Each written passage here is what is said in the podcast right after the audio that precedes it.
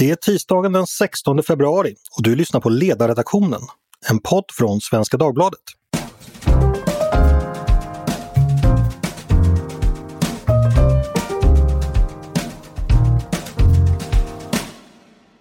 Jag heter Andreas Eriksson.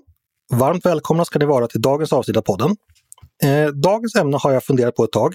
Eh, det rör sig om den grupp som ofta i media och debatt brukar kallas ensamkommande det vill säga unga personer från företrädesvis Afghanistan som sökte asyl i Sverige under flyktingkrisen som minderåriga, men som senare fått avslag på asylansökan, men som ändå har fått stanna i landet under ett nytt regelverk som brukar kallas gymnasielagen. Eh, och det här ämnet är snart sex år efter flyktingkrisen fortfarande en politisk fråga och en ganska het sådan. Med mig för att försöka reda ut den här frågan om vad som har hänt, om man ska tycka om detta, så har jag Christer Tillin som är före detta statssekreterare eh, under Carl Bildts regering på 90-talet. Du är domare vid eh, FNs krigsförbrytartribunal i Haag och har varit hovrättslagman också. På Twitter är du mest känd som eh, Riviera-högerns främsta uttolkare och företrädare. Välkommen Christer! Tack ska du ha! Och med mig har jag också en annan moderat och jurist, nämligen Maria Malmer Stenegard, eh, riksdagsledamot och migrationspolitisk talesperson för Moderaterna. Välkommen du också Maria! Tack så jättemycket! Jag tänkte vi ska hoppa direkt in i hetluften i den här frågan. Just nu pågår diskussioner om att regeringen ytterligare en gång vill ändra på det regelverk som omgärdar just den här gruppen eh, som vi då kan fortsätta kalla ensamkommande, alltså de som omfattas av gymnasielagen. Samarbetspartierna C och L eh, verkar inte helt hålla med men debatten är i full gång. I samband med detta så twittrade du Christer så här förra veckan. Eh, nu citerar jag dig. Detta fortsatta plottrande med den gymnasielag som lagrådet dömt ut och som har stora tillämpningssvårigheter har stärkt mig i min upp um- uppfattning att en regelrätt amnesti är en bättre väg istället för detta försök till smygamnesti. Plåstret av och ingen prejudicerande effekt. Christer, kan du utveckla dina tankar här? Eh, hur tänker du dig att en sådan amnesti skulle se ut och varför är det den rätta saken att göra i det här läget? Ja, alltså det är en lag som aldrig borde ha sett dagens ljus. Och den är ju historisk i den meningen att aldrig någonsin har lagrådet när man granskade den givit den en sån oerhörd sågning som skedde. Och med stöd utav detta lagrådsyttrande så var det så att migrationsdomstolarna i vart fall den i Malmö, ville inte tillämpa lagen när den väl hade trätt i kraft. Eh, en uppfattning som dock Migrationsöverdomstolen ändrade på. Så det här var ett missfoster redan från födseln så att säga och det, det är en, en, viktig utgångspunkt för mitt, mitt resonemang. Sen visade det sig, den här gruppen är då arbiträrt bestämd. Det handlar om de som har lämnat in en ansökan före ett visst datum jag tror det var i september eh, 2015 och som då var ensamkommande, det vill säga de var under 18 som ju är gränsen för att vara barn. Och sedan skulle de dessutom då ha fått avslag på sin asylansökan. Och därefter skulle de kunna anträda detta specialdesignade spår som då gymnasielagen innebar, det vill säga att de skulle kunna studera Eh, och, och, söka in på den filen så att säga. Och efter studierna skulle de, om de fick, eh, fick anställning, också kunna få ett eh, permanent uppehållstillstånd på den grunden. Nå, det visar sig att problemen är att, att tillämpa den här lagen. Alltså en stor börda läggs på kommunala lärare och studieanordnare. Ehm, så att redan utav det skälet att det är så svårt att tillämpa så borde man faktiskt Eh, upphäva den eh, och, och, ta bort den. Att upphäva den ser jag som, eh, som ogörligt i det här läget. Men då finns det alltså ett institut som heter amnesti som vi i Sverige aldrig har använt. senaste gången vi använde amnestin tror jag var på 60-talet då man lät svenska kvinnor som hade åkt till Polen för abort, det var resor som på den tiden var förbjudna. Då beslöt man att de skulle slippa åtal och det tog man alltså i, i ett kollektivt amnestibeslut. Den här gruppen eh, utav unga eh, afghaner som det handlar om, ursprungligen var de 9000 om jag minns rätt. De kan väl sägas vara nere nu någonstans i dryga 5000. De har förvisso aldrig satt sin fot oftast i Afghanistan för de är eh, eh bosatta antingen i Iran eller i Pakistan. Och skälet till att de flydde eller sökte sig till Sverige bortsett ifrån vår eh, välkända välfärdsstat som många vill få del utav. Det var att de ville undvika att bli inkallade till, till militärtjänst. Många utav dem, jag tror över 70% har fått sin ålder uppskriven så det går lika bra att beskriva de här istället som ensamkommande barn kan man kalla dem för ensamkommande vuxna. För det är vad de är i, i många fall. Och det där är någonting som då de som menar att vi ska inte göra någonting, nu ska, nu ska liksom det här få löpa sin lina ut och sen ska de, eh, om de får avslag, så ska de eh, utvisas tillbaks till, till Afghanistan där de är medborgare. Det här kommer enligt min mening inte att kunna ske och det är alldeles bortsett ifrån pandemin som pågår, de allmänna verkställighetsproblemen som vi har. Och då menar jag att då är det bättre att på den här gruppen som då trots allt är avgränsad och som går att urskilja. Eh, säga att de som då inte är föremål till exempel för, för brottsundersökningar och de som inte är, är kriminella, det är en del utav dem som är det. Utan nu talar vi om de som inte är det. Då borde regeringen enligt min mening fatta alltså ett kollektivt beslut och säga att okej, okay, ni får stanna som en engångsföreteelse. Och sen är man av med den här eh, gruppen eh, och det här eh, som annars kommer att bli en långkörare det som sker nu det är ju en smygamnesti. Det vill säga att man skruvar nu på den här lagen i ljuset utav pandemi, pandemin för att göra det ytterligare lättare så att flera ska kunna omfattas av det. Och jag tycker det är en ovärdig hantering. Då är en amnesti en mycket bättre, enklare och rakare ordning. Bara så jag förstår dig Christer, där, med en amnesti, du pratar om ett regeringsbeslut. Ja. Eh, kan du utveckla, vad är det? Alltså regeringen kan alltså fatta ett beslut utan att, innebär det att man skriver en ny lag i det här fallet? Nej, ja, förlåt att jag avbryter det men det är alltså det är 12 kapitlets nionde paragraf i regeringsformen. Ja. Den handlar om nåd. Men den innefattar också detta och ordet amnesti används inte där för det är så sällsynt men det är det som avses. Vi har ju ett nådeinstitut som, som ni känner till som innebär att man kan om man har blivit dömd för brott va, så kan man brott och straffet efterges av nåd som det heter. Det är alltså en helt diskretionär rätt som regeringen förfogar över. Och gör man det, gör man det före eh, det, det, är någonting som, som man då eh, hotar, till exempel ett åtal som med de här eh, kvinnorna som åkte till Polen. Ja, då kallar man det för abolition eller för amnesti. Och I det här fallet så skulle då amnestin omfatta ett beslut om att de skulle få stanna. Det ryms alltså inom ramen för den här diskretionära rätten som regeringen sitter på. Så det är ett enkelt regeringsbeslut, man behöver inte blanda in riksdagen. Ja, alldeles utmärkt. Eh, för ni får tänka på att jag är då icke-jurist och många av våra lyssnare kan, ja, kan ju tillhöra de stackars människorna som har gått andra utbildningar. Eh, Maria, jag ska vända mig till dig. Eh, jag, tänkte, jag läste din Twitter också när, och det var när regeringen för någon vecka sedan aviserade då, eh, de här nya förändringarna. Eh, då twittrade du att det här är djupt oansvarigt förslag som ytterligare underminerar den reglerade invandringen. Hur tänker du att man ska lösa den här situationen eh, och vad tänker du om Christers förslag om en amnesti? Ja, nej men till att börja med så håller jag ju helt och hållet med Christer om att den här lagen borde aldrig ha sett eh, dagens ljus. Och jag instämmer i den kritik som man har. Och, och, det finns en otrolig otydlighet i hur den ska tolkas. Och inte minst så kämpar ju kommunerna hela tiden med och, och Migrationsverket och domstolarna med att försöka tolka den. Och det är ju också många av de här killarna som verkligen har kommit i kläm. Och precis som någon människorättsorganisation sa så blir ju det här i många fall bara en enda långdragen inhuman utvisning. Eh, men jag tycker inte att två fel gör ett rätt, det vill säga vi kan inte lösa den situation som har uppkommit genom att bevilja gruppen amnesti. För att den svenska invandringslagstiftningen måste nu en gång för alla bli tydlig och konsekvent och det måste vara slut på lappande och lagande. Eh, och därför måste det vara skyddsbehovet som avgör om människor ska få stanna i Sverige eller inte. Och det här är en grupp där man har bedömt från Migrationsverket eller från domstolars sida att de inte har skyddsbehov. Och då är det alltså det som ska vara avgörande menar jag. Så vi måste istället lära oss av detta och säkerställa att det aldrig händer igen.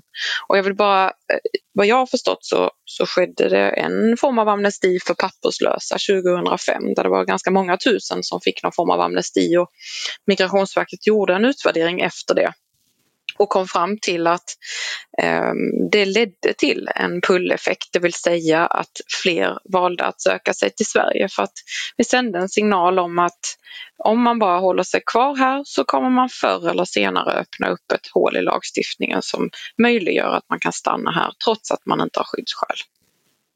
Vad säger du om det Christer? Eh, det anklagas dels för att det blir ytterligare en lapp i ett lappande och lagande och dels att det skapar så kallade pull-effekter, det vill säga att det skulle kunna få fler människor på flykt att välja Sverige och det är någonting som går emot den reglerade invandringspolitik som de flesta partier är överens om idag. Eh, vad svarar du på det?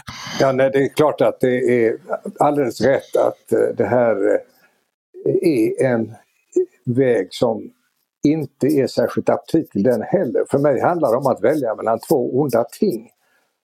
Antingen, som Maria påminner oss, så anträder vi och fortsätter vägen mot en enda lång inhuman utvisning. Jag, tyckte, jag har inte hört det uttrycket tidigare men jag tycker det fångar väl problemet. Eller också gör vi då som jag förespråkar, vi, vi gör ett eh, brott här och rensar brädet så att säga. Den här hänvisningen till 2005 tror jag är lite missledande för det var inget amnestibeslut utan det var på den tiden som regeringen kunde förfoga över eh, innan man satte igång eh, själva domstolsförfarandet. Det var ju så att regeringen var yttersta beslutsinstans i, och har fattat sådana här lättnadsbeslut och de har lite oegentligt kallats för amnestier. Men det har inte varit det utan det har varit regelrätta regeringsbeslut inom ramen för utlänningslagstiftningen där man då har beviljat eh, uppehållstillstånd. Så min väg är egentligen oprövad.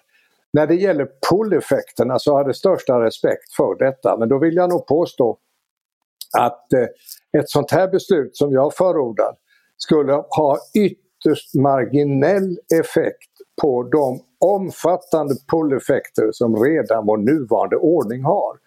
Det är ju vitt känt ute i, i eh, stora världen att eh, kommer man väl till Sverige så har man stora utsikter att bli humant behandlad när det gäller att få del utav välfärdsstatens alla goda. Så jag tror att pull-effekten här blir synnerligen marginell och det gäller naturligtvis då också att försöka förklara, inte minst för ambassader i berörda regioner, att istället för att ha hemsidor som talar om vilka förmåner man får så ska man förklara mm. vad detta inte är, nämligen att detta inte är en, ett prejudicerande beslut som kommer att upprepas.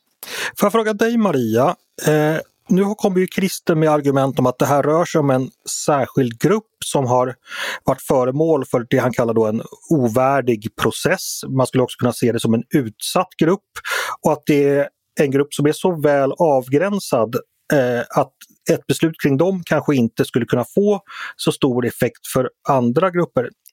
Väger inte det tyngre, tycker du, att just de har processen redan har varit så lång och så ovärdig att det kanske är dags att sätta punkt, som, eh, eller rensa brädet som Christer säger. Hur ser du på det argumentet?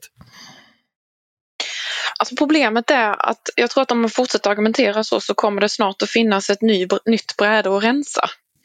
Eh, och jag är rädd att vi skapar en ny ordning när vi sätter en ny standard, att, att det finns en möjlighet att öppna upp för den här typen av beslut. Och jag tror det är väldigt olyckligt. Jag instämmer i det Christer säger om att vi har väldigt många olika delar av vår lagstiftning som, som bidrar till eh, pulleffekter och att det här bara skulle vara en liten del. Men jag menar att vi befinner oss i ett läge där vi måste skruva åt på alla områden det bara går.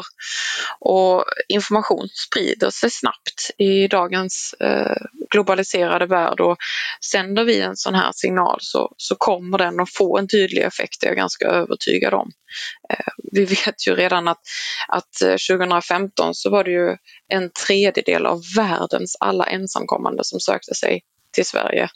Eh, och det var ju naturligtvis av många skäl som till viss del kommer att finnas kvar även om vi eh, inte beviljar en amnesti naturligtvis. Men vårt politiska ansvar menar jag är att se till att nu eh, ordna så att den kommande lagstiftningen och hur vi tillämpar den i varje läge är konsekvent och tydligt. Och här vill jag lyfta ytterligare en aspekt som är väldigt, väldigt viktig. För det, det är ju så att de här killarna har behandlats illa. Men vi måste fortfarande prioritera att lägga våra resurser på de i världen som har absolut störst behov. Och ofta är det till och med så att de som har störst behov inte ens har de medel och resurser som krävs för att ta sig till Sveriges gränser. Och behovet är enormt i världen och då är det fel att lägga våra resurser på de som faktiskt i en ordnad process har bedömts inte ha skyddsskäl. Hur tufft det än kan vara i det enskilda fallet. Får jag vända mig till dig Christer? Jag har ju mm. följt dig i sociala medier där du har diskuterat frågan och du har fått en del mothugg vad jag sett. Och den vanliga invändningen är att en amnesti skulle ha någon form av prejudicerande verkan. Eh, och det är väl ungefär det som Maria eh, visar lite farhåga för också. Eh, hur bemöter du det argumentet? Ja, låt mig först säga att eh, din beskrivning av mothugg är alldeles korrekt. Jag tror inte jag har sett någon som överhuvudtaget har hållit med mig. Vilket naturligtvis har sporrat mig ännu mer i uppfattningen att jag förmodligen har rätt. Det kan ju vara så. Ehm, det är klart att den här prejudicerande verkan, är, för en jurist är det så självklart att, eh, jag tror Maria håller med mig, att, att, att en amnesti lika lite som, det är ett slags kollektivt nådebeslut kan man säga och ett nådebeslut i sig är aldrig prejudicerande. Det vill säga man kan inte åberopa att A har fått nåd och därför ska jag få det. Så en ny grupp som kommer kan inte då hävda, ja men ni gav ju afghanerna amnesti, det vill vi också ha. Det där fungerar inte så att säga, det finns ingen formell koppling och det säger de som hävdar att det får en producerande effekt i alla fall. Så, så resonerar inte vanliga människor och så resonerar inte de som söker sig hit. Och det är därför jag sa tidigare att då får man vara vänlig nog att upplysa om detta. Att ni ska inte tro att när ni kommer hit att ni ska kunna omfattas utav någon framtida amnesti. Så här måste man vara tydlig. Maria och jag skiljer oss egentligen inte åt annat än på en punkt. Nämligen att jag vill rensa bort det här eländet som jag menar att det är. Och det leder till att vi kommer att få 5000 ytterligare afghaner som då får rätt att stanna i riket. Och det kan sägas är dränera resurser och det kan sägas vara bidragande till eh, en uppfattning ute i stora världen att eh, tar man sig bara till Sverige så löser det sig förr eller senare.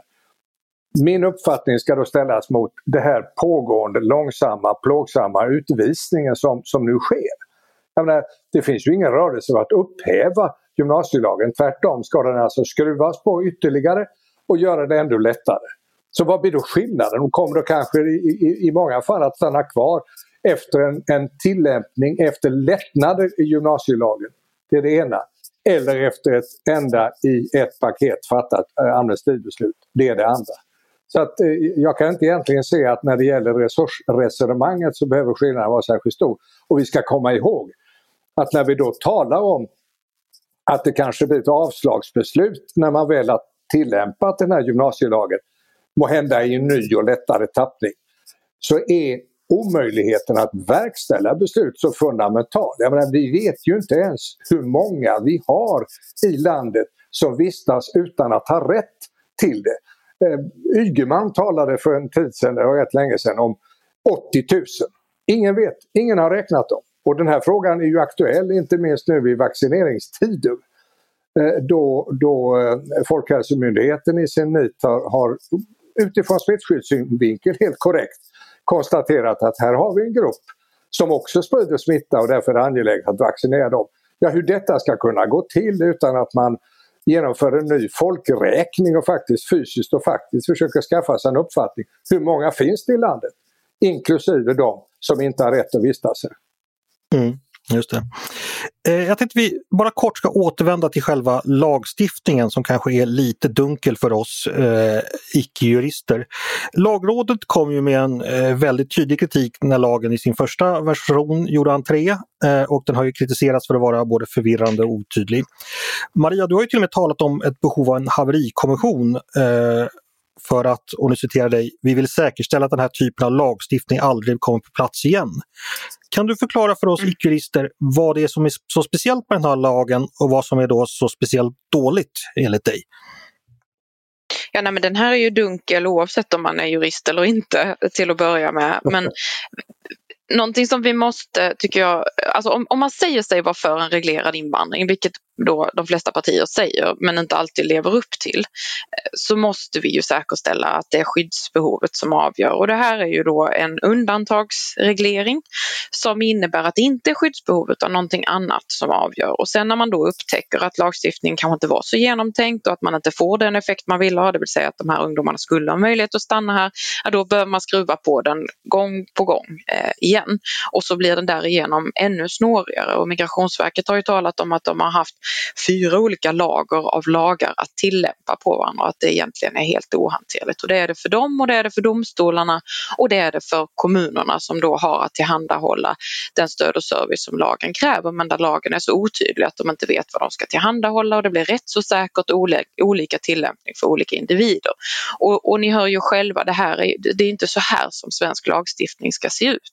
Och vi väckte den här idén om en, ja, vi kallar det haverikommission, men tanken om att vi i migrationskommittén skulle sätta ner foten och också uttala att vi behöver ha en entydig lagstiftning som är rättssäker och att den här, att den här typen av undantag inte ska finnas en, och inte ska få plats i en eh, framtida hållbar lagstiftning. Och vi hade också förslag på sådana skrivningar i våra förhandlingar mellan förra alliansen och Socialdemokraterna men den, den skrivningen föll då när, när förhandlingarna också brakade samman. Det tycker jag är tråkigt för det hade ändå varit ett viktigt uttalande. Och jag tycker att det är intressant att Christer går in här på just eh, skuggsamhället för att det är precis det som också är problemet med den här typen av särreglering att den leder till ett ännu svårare återvändandearbete. Vi vet redan idag att färre än hälften av de som ska eh, återvända, lämna, lämna landet frivilligt.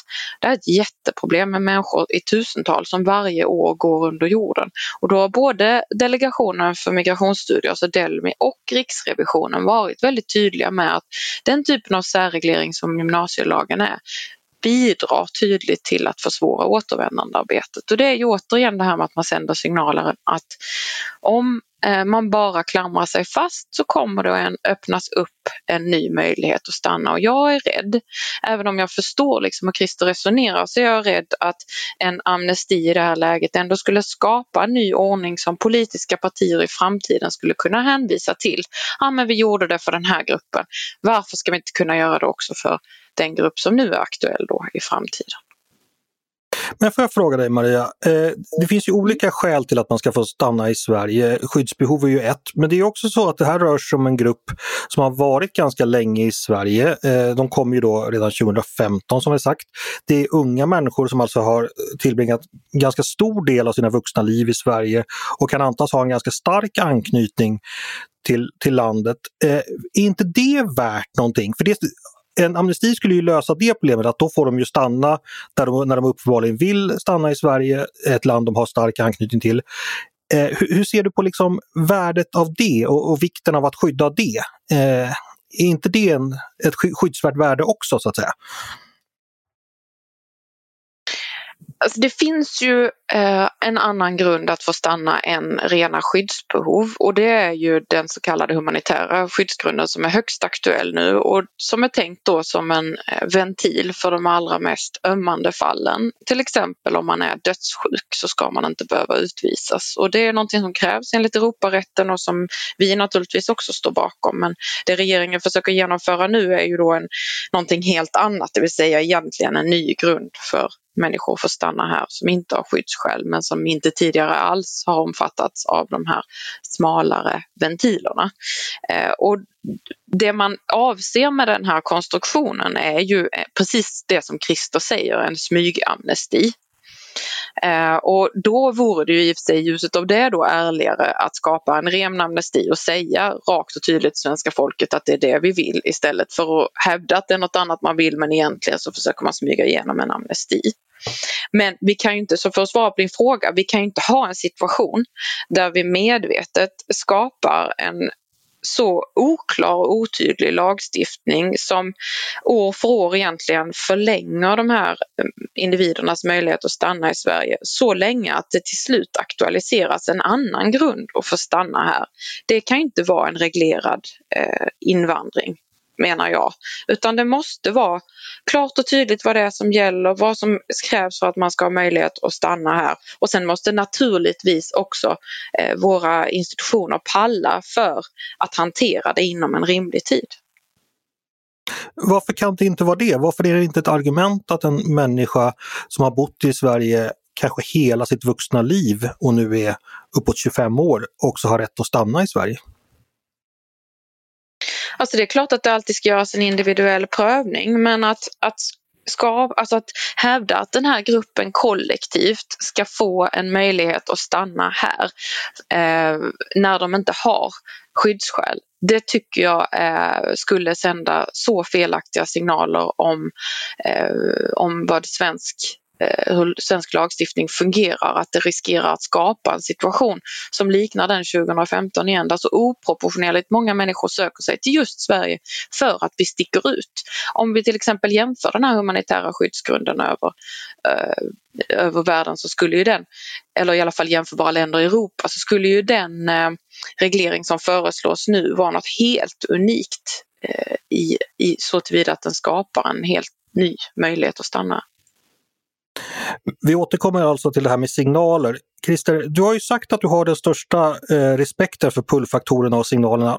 Men du menar ändå att de inte är i spel så pass mycket här att de bör vara avgörande när det här beslutet fattas? Eller kan du utveckla hur du ser på den? Nej, nej du har alldeles rätt. Jag kallar det, tror jag, att det har en, endast en ytterst marginell påverkan. För att det är den övergripande synen på den svenska migrationspolitiken som jag tror ute i världen fäller avgörandet. Och den är ju jämför bara till exempel med våra nordiska grannländer oerhört mycket mer generös. Det är förklaringen till om man tittar på alla siffror. Hur många tar Danmark emot, hur många tar Norge emot, hur många tar Finland emot och så vidare jämfört med oss. Vi skiljer ju ut oss i det hänseendet just för att vi är ett attraktivt land.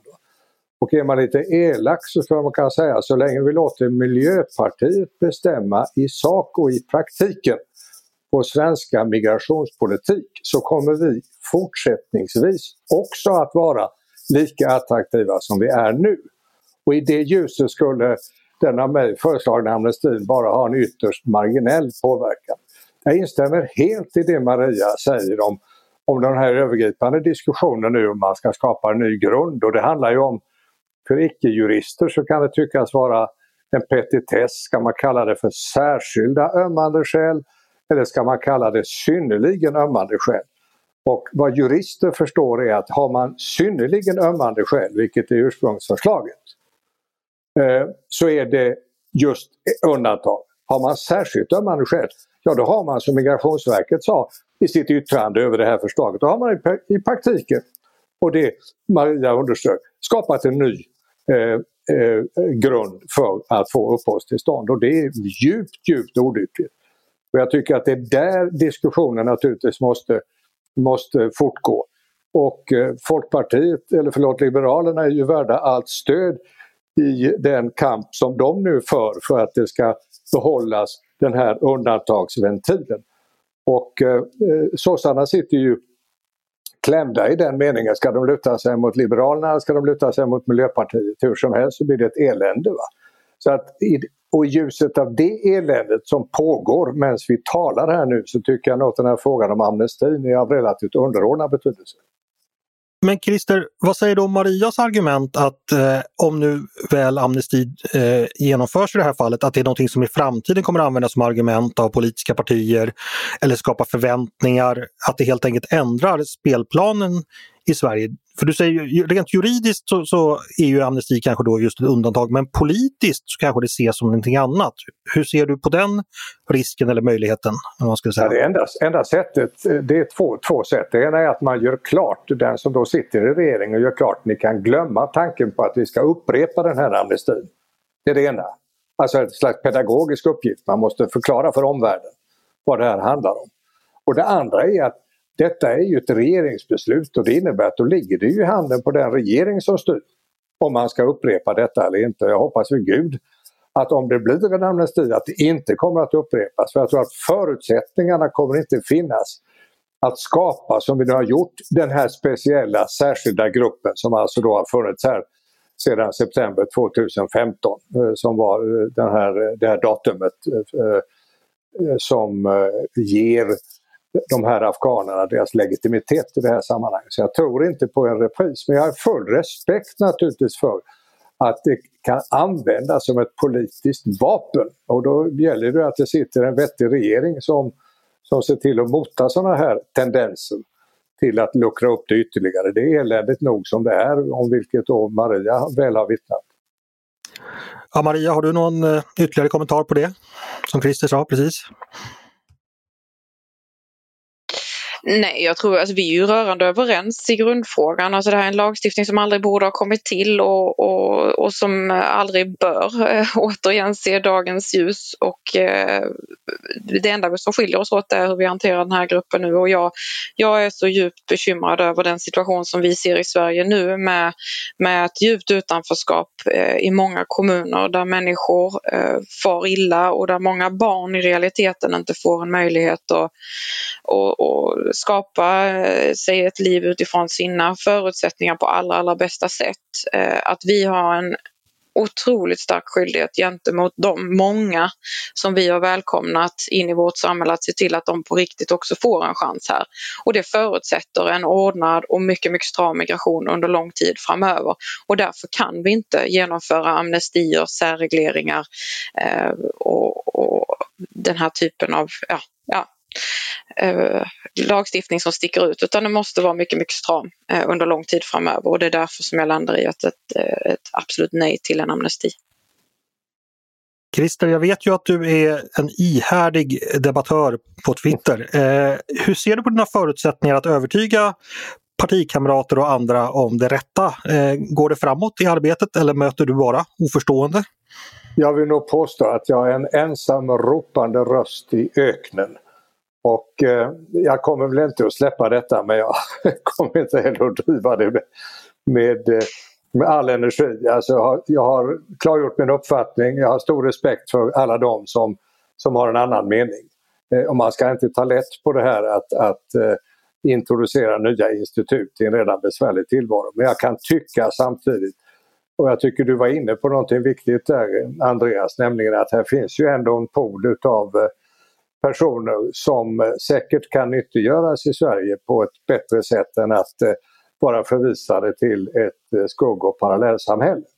Och nu talar jag om de som, som då inte har gjort sig skyldiga till brott. För det finns naturligtvis en icke föraktlig del utav de här unga afghanerna som ägnar sig åt brottslig verksamhet och de ska självfallet inte omfattas utav en amnesti. En sista fråga till dig Maria. Eh, Moderaterna lade ju om, precis som andra partier, sin migrationspolitik eh, ganska mycket efter flyktingkrisen 2015.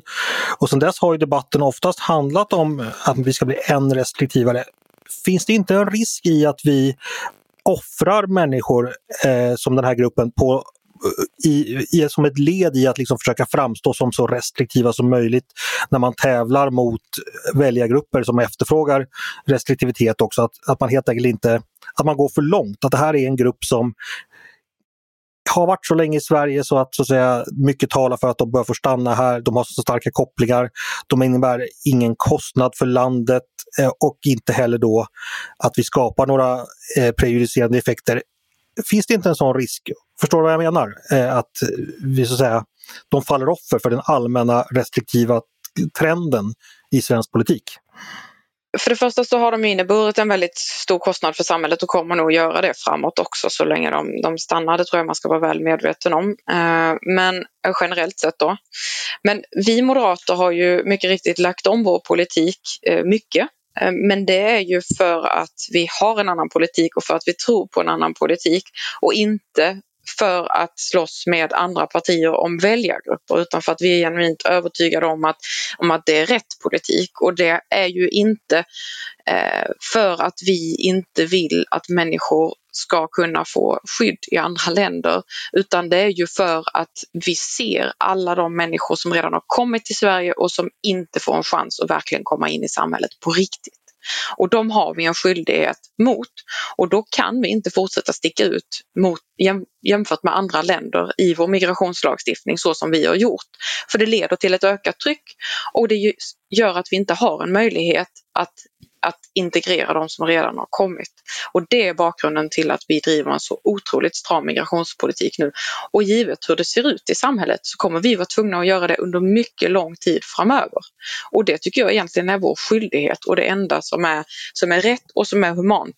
Det är att prioritera de som verkligen har skyddsbehov och de som har kommit för att stanna så att de får en chans att komma in i samhället på riktigt. Christer, är det din bedömning också att eh, eh, restriktivitet under lång tid framåt kommer både bli den moderata politiken och den riktiga politiken? Är det vad du tror också? Absolut och det hoppas jag verkligen. Alltså det, jag vill understryka det att när jag talar om att eh, rensa brädet och så vidare så är det i förståelsen att vi måste ha en restriktiv eh, migrationspolitik framöver. Vi ser bara problem med den ordning som vi har haft. Va? Och det måste bli ett stopp. Och jag kan inte se att den nuvarande regeringen är förmögen till att ta några som helst steg i den riktningen. Och därför krävs det en ny regering. Stort tack för det. Vi har lyssnat på en eh, inom moderat och inom juristisk, juridisk diskussion om, eh, om eh, amnesti för eh, de så kallade ensamkommande. Jag hoppas att även ni som inte är moderater eller jurister också haft glädje av diskussionen. Det har i alla fall jag haft, trots att det enda parti jag varit medlem i är Folkpartiet och jag råkade hamna på Handelshögskolan och inte på juristlinjen. Eh, stort tack Maria! Eh, stort tack Christer för att ni var med. Tack, tack. tack. Ni har lyssnat på Ledarredaktionen, en podd från Svenska Dagbladet. Ni är varmt välkomna att höra av er till redaktionen med tankar och synpunkter om det vi precis har diskuterat eller om det är så att ni har idéer och förslag på saker vi borde ta upp i framtiden. Det är bara att mejla till ledarsidan eh, svd.se. Stort tack för idag! Jag heter Andreas Eriksson. Jag hoppas att vi hörs igen.